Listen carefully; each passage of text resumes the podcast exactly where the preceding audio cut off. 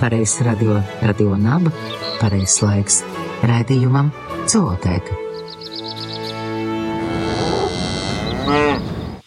Sveiki, zemieši! Paldies, ka esat saspicējuši ausis. Šis ir Latvijas Rādio 6, Latvijas Universitātes Radio Naba.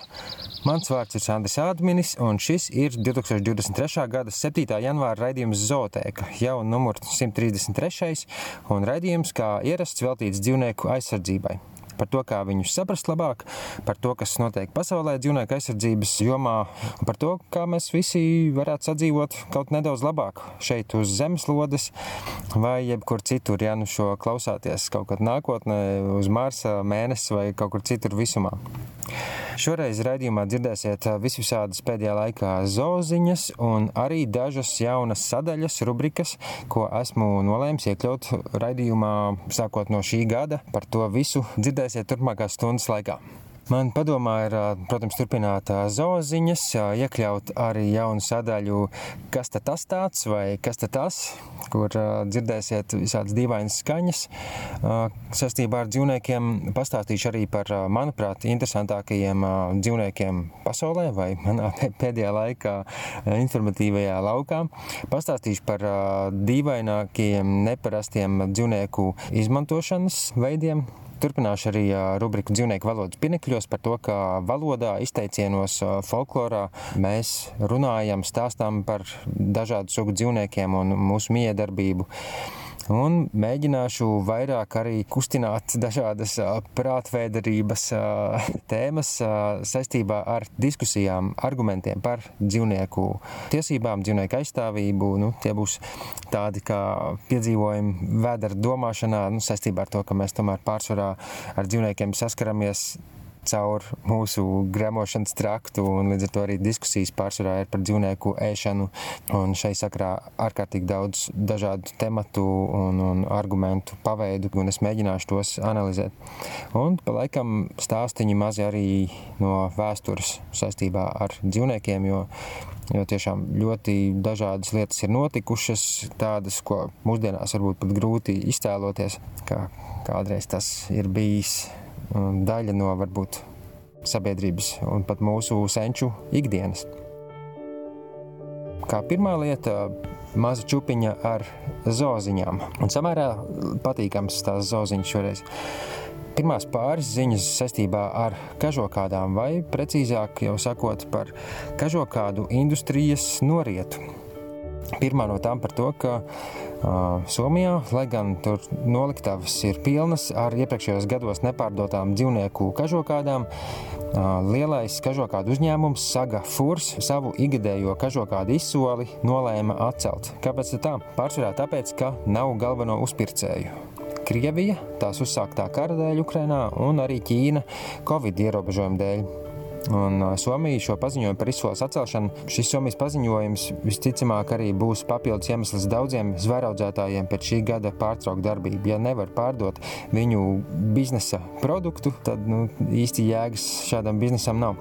Un varbūt arī kādiem no Latvijā atlikušajiem zvēraudzētājiem tas būs tomēr tāds signāls, nu labi, jāliek punkts, tas nestrādā nu, savā ziņā negaidīti, bet jā, šādi drūmi pasaules notikumi kā karš un, un, un covid epidēmija tomēr dīvainā kārtā var nākt arī par labu dzīvniekiem. Dīvaini, bet tā sanāk šoreiz. Vēl viena cita ziņa saistībā ar kažokādu industrijas norietu pasaulē ir par to, ka kopš šī gada sākuma Kalifornija ir kļuvusi par pirmo ASV štatu, kur kažokāda ražošana un tirgošana vairs nav atļauta. Ūdeļādas kažoki, lapsādas apaklas, jenatu ādas cepures, kas ASV vēsturiski ir bijušas tāda dīvaina tradīcija, arī šinšilu ādiņu šāles. Tas viss kopumā jau ir pamatīgi izgājis no modes pēdējo pāris desmit gadu laikā, lai gan vēl teiksim, 70. un 80. gados ASV šādi apģērbi bija ļoti populāri turīgo cilvēku status apliecināšanas simboli. Sākotnēji šādus kažokādu ražošanas un Tirzniecības aizliegums ieviesa pilsētas, tā skaitā lielās pilsētas, Losandželosā un Sanfrancisko, bet tagad tam seko arī likuma grozījumi visa Kalifornijas štata mērogā. Un tirdzniecības aizliegums gan uh, neatieksies tomēr uz jau lietotām, jeb second hand uh, kažokādas precēm. Un, kā saka speciālisti, šis Kalifornijas aizliegums radīšot arī pamatīgu robu ASV kažokādu industrijai, jo tieši šajā štatā tika pārdoti gandrīz 25% no visām kažokādām valstī. Līdz ar to jaunais likums palīdzēs izbeigt ciešanas, kam ik gadu bija pakļauti miljoniem dzīvnieku, ko audzē zvēraudzētāju būros un, un not, arī notver dabā aizliktos slazdos. Un visticamāk jau, ka šis nebūs pēdējais štats. Kalifornija pēdējā laikā it īpaši ir izcēlusies ar dažādiem nu, tādiem drosmīgiem soļiem dzīvnieku aizstāvības likuma uzlabošanā. Un šai sakarā vēlreiz atgādinu, ka varat parakstīt Eiropas pilsoņu iniciatīvu, lai šādas pārmaiņas drīz notiek e Eiropā, arī visas Eiropas līmenī. Gan kažokādu ražošanas, gan tirzniecības aizliegums. Un šo iniciatīvu var atrast internetā pēc nosaukuma par Eiropu bez kažokādām. Otra tēma par uguņošanu un dzīvniekiem arī divas ziņas, patiesībā divas puses ziņas. Pirmā no tām, ka Tallinā pašvaldība īsi pirms jaungada aicināja iedzīvotājus vecgada vakarā nerīkot uguņošanu, bet ietaupīto naudu labāk ziedot dzīvnieku patversmēm.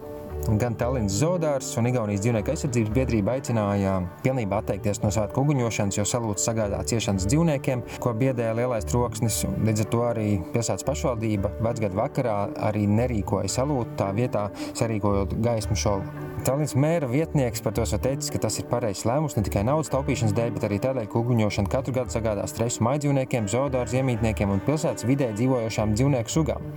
Es aicinu visus atteikties no privātās uguņošanas un ziedot naudu dzīvnieku aizsardzībai. Un arī Latvijā par šo tēmu gada pēdējās dienās TVNetā bija pagaršs noderīgs raksts ar nosaukumu Dzīvnieku izpratnē salūts ir karš. Un tajā dzīvnieku aizsardzības biedrības ar sirdī Dēlnā vadītāja Andra Tomase stāstīja, kā sagatavoties svētku uguņošanai, ja mājās ir suns. Mazs citātiņš no tām. Neskatoties uz to, ka tas biedē dzīvniekus, piesārņo dabu, šogad Latvijā ir tūkstošiem cilvēku no Ukrainas, kuriem dzimtenē piedzīvotājs ir atstājis spēcīgas psiholoģiskas traumas. Ja cilvēki ir spējīgi saprast situāciju ar dzīvniekiem, ir citādāk. Tā tad uh, raksts dzīvnieku izpratnē salūts ir karš. To varat atrast TV netā, droši vien vienkārši iegūglēt pēc šāda nosaukuma. Un vēl viena par uguņošanu ziņa. Lielbritānijas pilsētā Skarboro pēdējā brīdī tika atcelta jaungada uguņošana, lai pasargātu valzirgu. Tās pašas sugas lielo dzīvnieku ar gariem ilkņiem, kādu pērna manija arī Liepājas pludmalē, arī citur, man liekas, kaut kur kurzemes piekrastē. Šāds lēmums pēc jūras dzīvnieku glābšanas dienas ieteikuma tika pieņemts pie jūras pilsētā Skarbaro, tas ir Lielbritānijas centrālajā daļā, austrumu piekrastē, kur bija negaidīti ieradies arktiskais valzirgs, un līdz ar to pastāvēja bažas, ka uguņošana, nu, vismaz pēc dzīvnieku glābšanas dienesta, teiktā, varētu izraisīt diskomfortu šim lielajam dzīvniekam. Savas dzīvnieku eksperti uzskata, ka par toru iesaukties valzirgs, kas pilsētā ieradās un piesaistīja milzīgu cilvēku pūli skatītājus pēc atpūtas krastā devies tālāk uz Ziemeļjūru, kur šie dzīvnieki tipiski dzīvo. Un, protams, dzīvnieku glābēji uzslavēja pilsētas pašvaldību domu par uguņošanas šova atcelšanu. Kāda no valzirga glābēju pārstāvēm teikusi, ka tas, ka viņi ņēma vērā viņa labklājību augstāk par vispārējo, ir ārkārtīgi augsts vērtējums. Es zinu, ka tas ir guvis milzīgu atsaucību visā pasaulē. Tāds pozitīvs piemērs tam, ka vesela pilsēta var iztikt bez uguņošanas, dzīvnieku audzēšanas aizsardzības vārdā. Un, man liekas, tiešām gan kara sakarā šobrīd, gan naudas taupīšanas nolūkos. No uguņošanas mēs pamazām atteiksimies un, un, un atradīsim iedzīgākus veidus, kā priecāties par kaut kādām atzīmējumām dienām bez vienkārši naudas izšaušanas gaisā un milzīgu trokšņu radīšanas un piesārņojumu vidē arī starp citu. Tagad, lai paskan skaņdarbs no jaunās Latvijas neatkarīgās mūzikas izlases Odekolons. Bērnības milicijas dziesma ar labu nakti istaba. Raidījumu pilno versiju klausies Latvijas sabiedrisko mediju portālā LSM LV.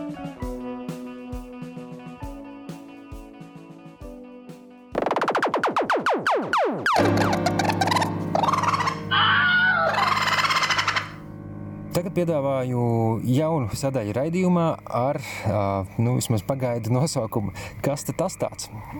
Tajā atskaņošu kādu skaņas ierakstu, Un aicinu jūs iztēloties, padomāt, kas tas ir par dzīvnieku, vai arī kas skaņas ierakstā ir dzirdams saistībā ar dzīvniekiem. Klausāmies!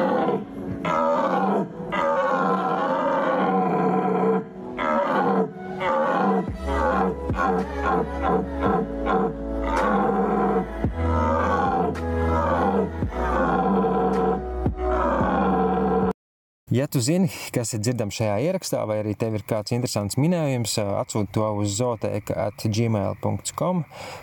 Zooteka šai gadījumā ar diviem O un diviem E. Vai arī atsūti savu atbildi ziņā zootekai sociālos tīklos. Pareizo atbildi pateikšu nākamreiz. Un tāpat, ja tev ir zinām kāda interesanta ar dzīvniekiem saistīta skaņa, ko varētu iekļaut citreiz raidījumā, atsūti informāciju par to. Un, un visai iespējams es to iekļaušu arī kādā no nākamajiem. Kas tas tāds?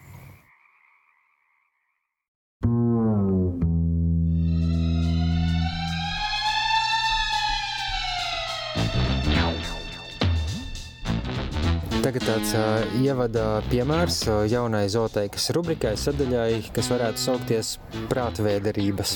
Vai varbūt kaut kā citādāk, to es vēl izdomāšu. Bet, nu, saistībā ar prātu, tādā sakarā, ka šie ir piemēri no diskusijām, pārdomām par dzīvnieku tiesībām un tās vēderības. Uh, tādā sakarā, ka nu, lielākoties jau mēs diskutējam dzīvnieku sakarā tieši par dzīvnieku lietošanu, uzturā, ēšanu, iedabūšanu vēderā.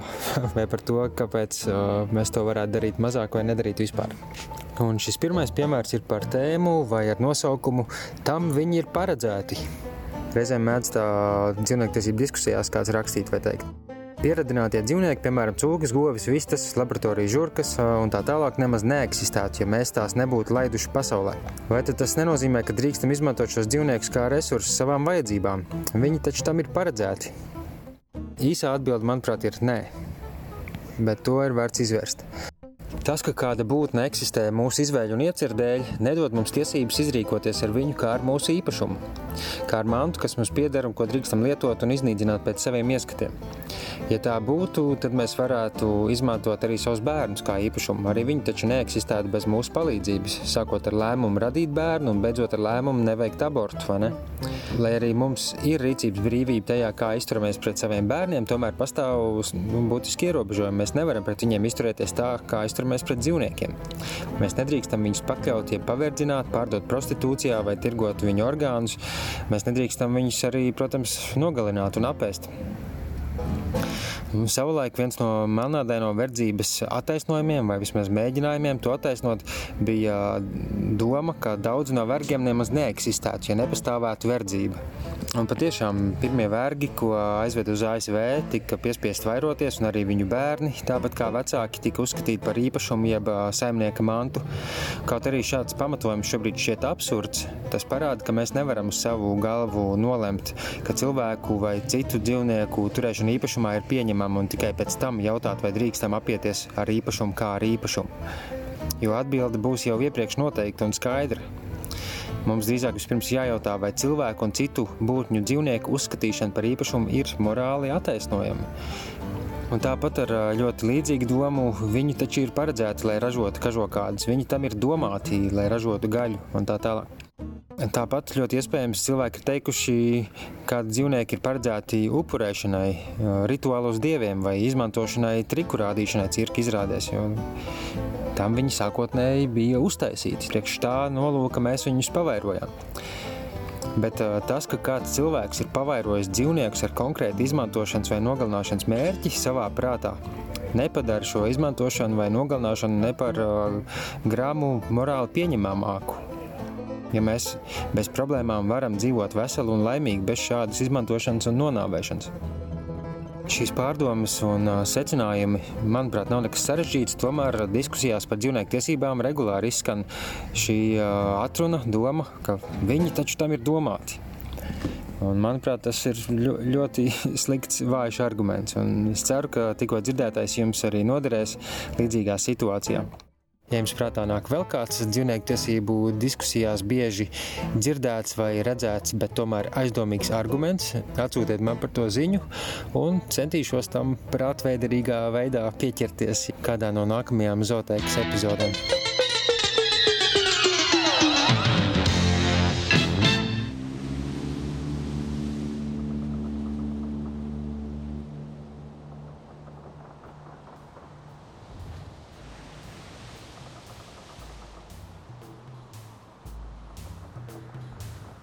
Zoteikas raidījumi, podkāsti, intervijas, ziņas, kas lasāmas sociālajos tīklos, pasākumi, lekcijas, aktivitātes, ko es ik pa laikam sarīkoju dažādās Latvijas vietās, notiek balstoties uz entuziasmu, bet pateicoties cilvēkiem, kas atbalsta manu darbu Patreonā ar nelielu ikmēneša ziedojumu. Patreon ir tāda kolektīvās finansēšanas mājaslapā projekts, kurā cilvēki var atbalstīt sev tīkamus māksliniekus, aktīvistus, dažādus entuziastus. Un šoreiz no zooteikas atbalstītājiem pieminēšu piecus. Šoreiz tie ir Alisa Krūmiņa, Mārtiņš Barinskis, Sanita Ločmele, Diana Audare un Santa Purlaura. Mīļš jums paldies par palīdzību, par to, ka novērtējat manu darbu un atbalstāt šādā ļoti nozīmīgā veidā Ja vēlaties pievienoties šiem cilvēkiem, meklējiet patreon.com lapā manu vārdu Sandrs Adminis vai Zooteika. Tur varat izvēlēties atbalsta summu, sākot no 1 eiro mēnesī. Turpat arī varat izlasīt, ko tad nu es esmu pēdējā laikā paveicis. Reizēm arī par nākotnes plāniem ir iespēja uzdot jautājumus nākamajiem viesiem un varbūt redzēt vēl kādas lietas, ko es publiski nestāstu, nerādu, kas ir vairāk tiešām tā kā iekšējā, iekšējā kolektīva acīm un, Un, ja Patreon jums neiet pie sirds, varat atbalstīt zooteikas darbu arī caur PayPal. Tur mana adrese ir sandris.aa.gmail.com. Paldies jums visiem arī, kas palīdz citos veidos un iesūta visādas noderīgas ziņas, informāciju un tā tālāk. Tas, tas viss absolūti palīdz. Tā, lūk, varat atbalstīt zooteikas tapšanu, bet tagad atpakaļ pie zooziņām un citām dzīvnieku lietām.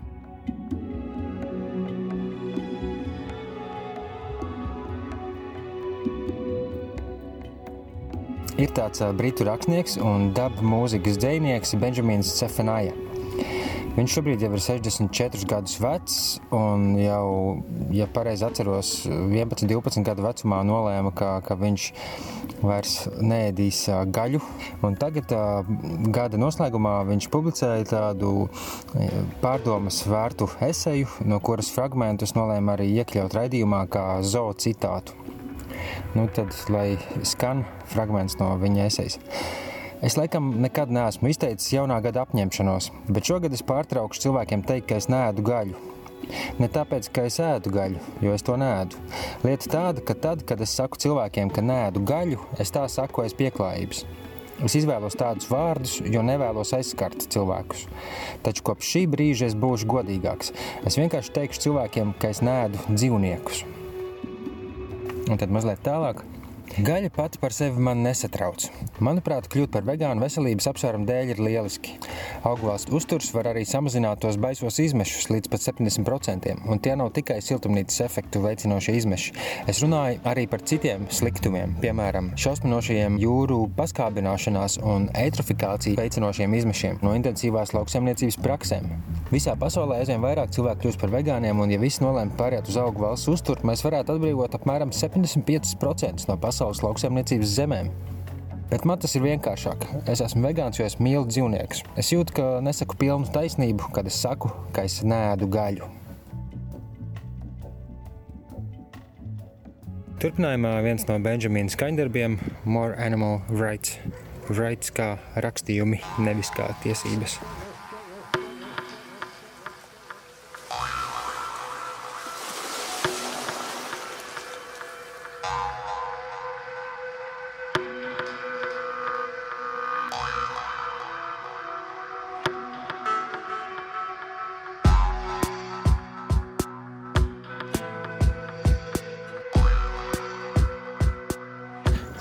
Divas skarbākas ziņas. Abas saistītas ar to, ka dzīvnieki, kas tiek turēti ap, apskatīšanai, aplūkošanai, kādu negadījumu, neparedzētu notikumu dēļ, cieš un iet bojā. Pirmā ziņā ir no Berlīnes, kur Radisson Blue viesnīcā ar eksploziju saplīsis pasaulē lielākais cilindriskais akvārijas, nodarot plašus postījumus viesnīcai un apludinot apkārtnes ielas. 14 metru augstajā akvadomā torņveida akvārijā tika turēts apmēram 1500 tropisko zivju, apmēram 100 dažādu sugu, no kurām vairums gāja bojā. Noslēpstot un tiekot apraktām zem stikliem un gruvašiem. Pēc tam daudzas arī atradās sasalušas uz ielas. Dažus simtus esot izdevies glābt un pārvietot uz citiem akvārijiem. Plīstot stikliem un izgāžoties miljoniem litru ūdens, divi cilvēki esot traumēti, postījumu likvidēšanā iesaistīti vairāk nekā simts ugunsdzēsēji. Un ziņās arī par šo notikumu teikts, ka akvadoma tika atklāts 2003. gada decembrī. Tā būva izmaksāja apmēram 12,8 miljonus dolāru. Un Guinness rekorda grāmatā tas uh, ir norādīts kā pasaulē lielākais cilindriskais akvārijs. Šīs ziņas rakstīšanas laikā nebija zināms nelaimes cēlonis, bet ir, manuprāt, diezgan skaidrs, ka turēt nebrīvai dzīvnieku zivis šādā veidā, ja mums rūp viņu drošība, nav diezko laba doma daudzu iemeslu dēļ.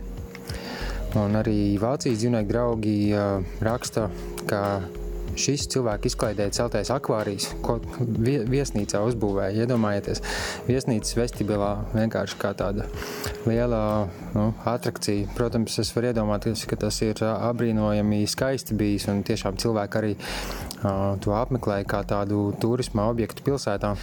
Bet uh, tur tika turēts 1500 no tālo uh, silto zemju jūrām atvestas zivis, tīri, lai cilvēki varētu izklaidēties uz viņiem skatoties. Un, un, protams, cilvēku dēļ tas arī kļuva par nāvējošu slazdu, ko visticamāk nevajadzētu būvēt vēlreiz no jauna.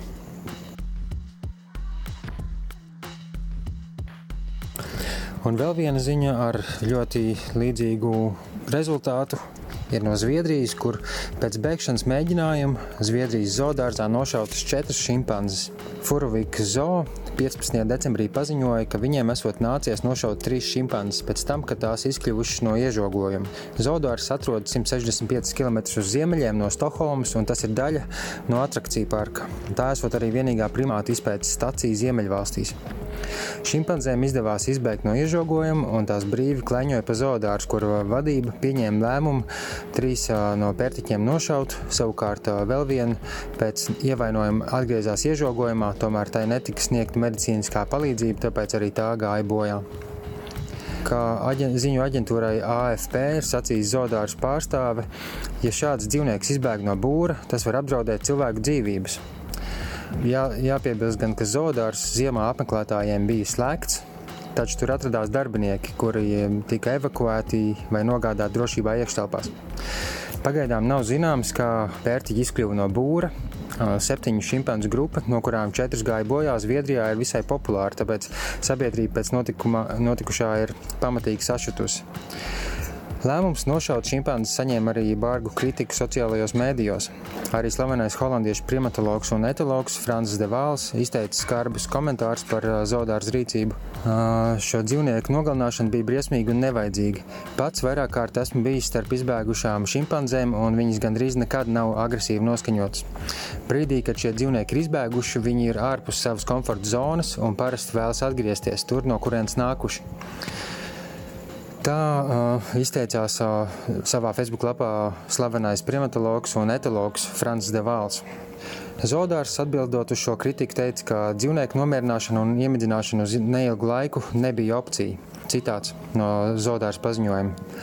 Variants būtu bijis izšaut anestezijas šautriņu, taču tādā gadījumā šāvējiem ir jāatrodas ļoti tuvu dzīvniekiem, kā arī desmit minūtes jāgaida, līdz anestezija sāk darboties. Citāta beigas. Un uh, vēl jāpiebilst, ka nošauto šimpanzu vidū bija arī trīsgadnieks, trīs gadus vecs uh, mazulis, kas diez vai būtu agresīvi noskaņots, kā arī kāda šimpanze, kurai bija jau 45 gadi, tā tad jau tiešām pavisam veca vecmāmiņa. Vai tiešām viņu visu nošaušana bija pamatota no, aiz bažām par to, ka viņi agresīvi varētu uzbrukt cilvēkiem? Katrā ziņā dzīvnieku pētnieki to ļoti apšauba un brīnās, kāpēc zaudārs pieņem tādu lēmumu. Un vēl vispārīgāks jautājums, vai patiešām mūsdienās mums vēl ir jātur nebrīvē tālu zemju dzīvnieki kā atrakciju objekti, pat ja viņi tiek iesaistīti arī kādā izpētes projektā. Es ceru, ka šobrīd mēs jau dzīvojam tādā pārejas periodā. Aizvien vairāk dažādas valstis pieņem lēmumus par to, ka jaunus no tālām zemēm atvestus eksotiskus dzīvniekus uzņemt zoodārzā. Viņi vairs neturpinās. Piemēram, Spānijā nesen bija tāds lēmums. Un, un tas nozīmē, ka zoodārzi aizvien vairāk fokusējās uz vietējo netālu dzīvojošo dzīvnieku sugu aizsardzību, uz viņu glābšanu no dažādām bīstamām situācijām, viņu rehabilitēšanu, uz šo sugu atjaunošanu un tā tālāk. Protams, sabiedrības izglītošanu par to visu. Un es domāju, ka šajā sakarā mums zaudārziem vajadzētu ik pa laikam jautāt, cik tad jūsu tā sauktajā dzīvnieku kolekcijā reāli ir dzīvnieki, kuri ir aizsargājamo sugu dzīvnieki, kuri ir iekļauti kādās sugu saglabāšanas un reintrodukcijas programmās. Jo izrādās, ka vismaz šobrīd absolūti lielākā daļa no visiem dzīvniekiem, kas tiek turēti zoodārzos, nav iekļauti nevienā aizsargājamo sugu programmā. Viņus nav paredzēts atlaist atpakaļ savvaļā. Un, kopumā Mans iespējas ir tāds, ka lielākā daļa no dzīvniekiem, kas ir zoodārzos, tiek turēti tikai nu, vai galvenokārt tāpēc, ka viņi ir skaisti, krāsaini, pievilcīgi un viņi piesaista apmeklētājus. Cilvēkiem ir patīkami uz viņiem skatīties, un cilvēki grib nākt, taisīt bildes, selfijas un, un jā, par to samaksāt naudu. Ja tā nauda aiziet tiešām reāli šo apdraudēto, uh, izmirstošo sugu aizsardzībai, saglabāšanai, cilvēku tiešām nopietnai izglītošanai par to visu, okay, tas man, manuprāt būtu saprotami un, un, un pieņemami. Bet šobrīd absolūti tā neizskatās. Un tīpaši, ja nemitīgi parādās gadījumi, kad, kad dzīvnieki tiek nonāvēti, un mēs aizvien vairāk uzzinām, ka arī Iespējams, ka pat visos zoodārzos pastāv tāda standarta praksē, atbrīvošanās no liekajiem dzīvniekiem, kas kolekcijai nav nepieciešami. Viņus vienkārši nonāvē. Un, nu, protams, par to skaļi nerunā.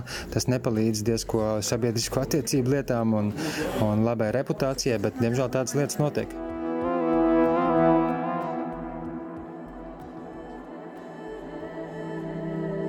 Tagad atkal laiks mūzikai, un vēl viens skaņdarbs no Latvijas neatkarīgās mūzikas izlases Sodekolons, un šoreiz tas ir nesen ar skaņdarbu Sāls un Pipari.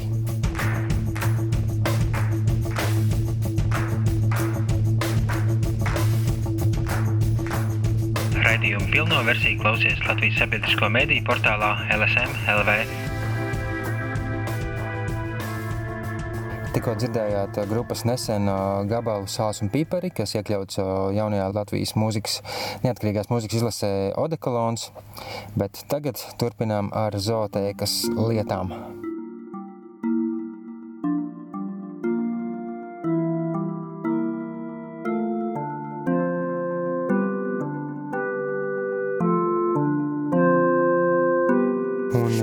Pēdējā laikā aktuāla ziņa, kas parādījās daudzos masu mēdījos. Sākta izmeklēšana pret Ilona Maska uzņēmumu Neuralink, kura eksperimentos gājuši bojā simtiem dzīvnieku. Vairākās darbinieku sūdzībās teikts, ka izmēģinājumi ar dzīvniekiem ir sasteigti un tas rada nevajadzīgas ciešanas un nāves gadījumus. Tā minēts aģentūras Reuters ziņās.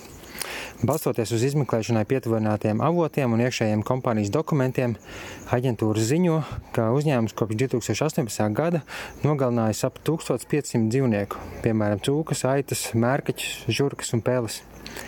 Bojā gājušo dzīvnieku skaits gan obligāti nenozīmē apzinātu vardarbību pret dzīvniekiem, jo medicīnas uzņēmumi nereti eksperimentos izmanto dzīvniekus. Tomēr daudzi dokumenti liecina, ka dzīvnieku aizsardzības noteikumi nav ievēroti. Vairāki sasteigti un neizdevušies testi tiek atkārtoti, kā rezultātā nevajadzīgi cieši un iet bojā daudz dzīvnieki. Darbinieki norādījuši, ka neveiksmīgo testu atkārtošana tiek veikta, jo masks izdarot spiedienu uz uzņēmumu darbiniekiem. Un šo te testu mērķis ir izstrādāt smadzeņu implantu, kas potenciāli, potenciāli var palīdzēt paralizētiem cilvēkiem atgūt kustību spējas, neredzīgiem atgūt redzi, kā arī ļautu ārstēt citas neiroloģiskās skaitas.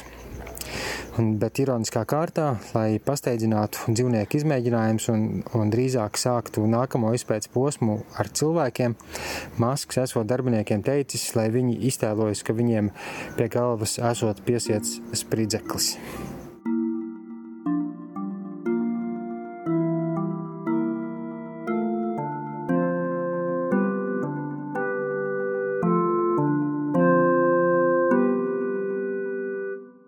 Līdz ar gada sākumu ir atsācies arī ikgadējais vidēji un dzīvniekiem draudzīgas ēšanas izaicinājums neapēst zemeslodi. Ja vēlaties, tam joprojām var pievienoties, lai mēnešu garumā ikdienu saņemtu e-pastā noderīgu informāciju, ieteikumus un pavisam praktisks receptes dzīvniekiem un vidēji draudzīgām maltītēm. Cepti kartupeļi ar kečupu un karbonādi, protams, ir garšīgi, bet nevienam no mums nenāks par ļaunu paplašināt savas zināšanas, daudzveidīgot savu ēdienkārtu iekārti un, un prasmes ēdienu gatavošanā. It īpaši, ja tas nāk par labu arī dzīvniekiem un visai zemeslodei. Meklējiet neapiet zemeslodi tajā pašā plašajā internetā. Un tagad laiks vēl kādai pozitīvai, vienkāršai ziņai, kā atgādinājums tam, ka labas lietas notiek. Gada noslēgumā Reizeknas novada Pušas ezerā 250 metrus no krasta ledū bija ielūzis alnis, un ugunsdzēsēji glābēji devās palīgā un galu galā arī ļoti veiksmīgi izglāba šo milzīgo dzīvnieku. Glābēji bija ar īpašo glābšanas dēli nokļuvuši līdz dzīvniekam, turēja viņu virs ūdens, lai viņš nenoslīkst, un tikmēr citi izcirta ledu, izāģējot ceļu no ielūzušā dzīvnieka līdz pat krastam. Kad viss bija sagatavots, ugunsdzēsēji glābēji mudināja dzīvnieku izpeldēt krastā. Alnis visticamāk pamāja ar galvu, teica paldies Un nonākot krastā, Alans arī veikli aizskrēja mežā un cerams arī nebija saaugstējies. Prieks par šādām ziņām.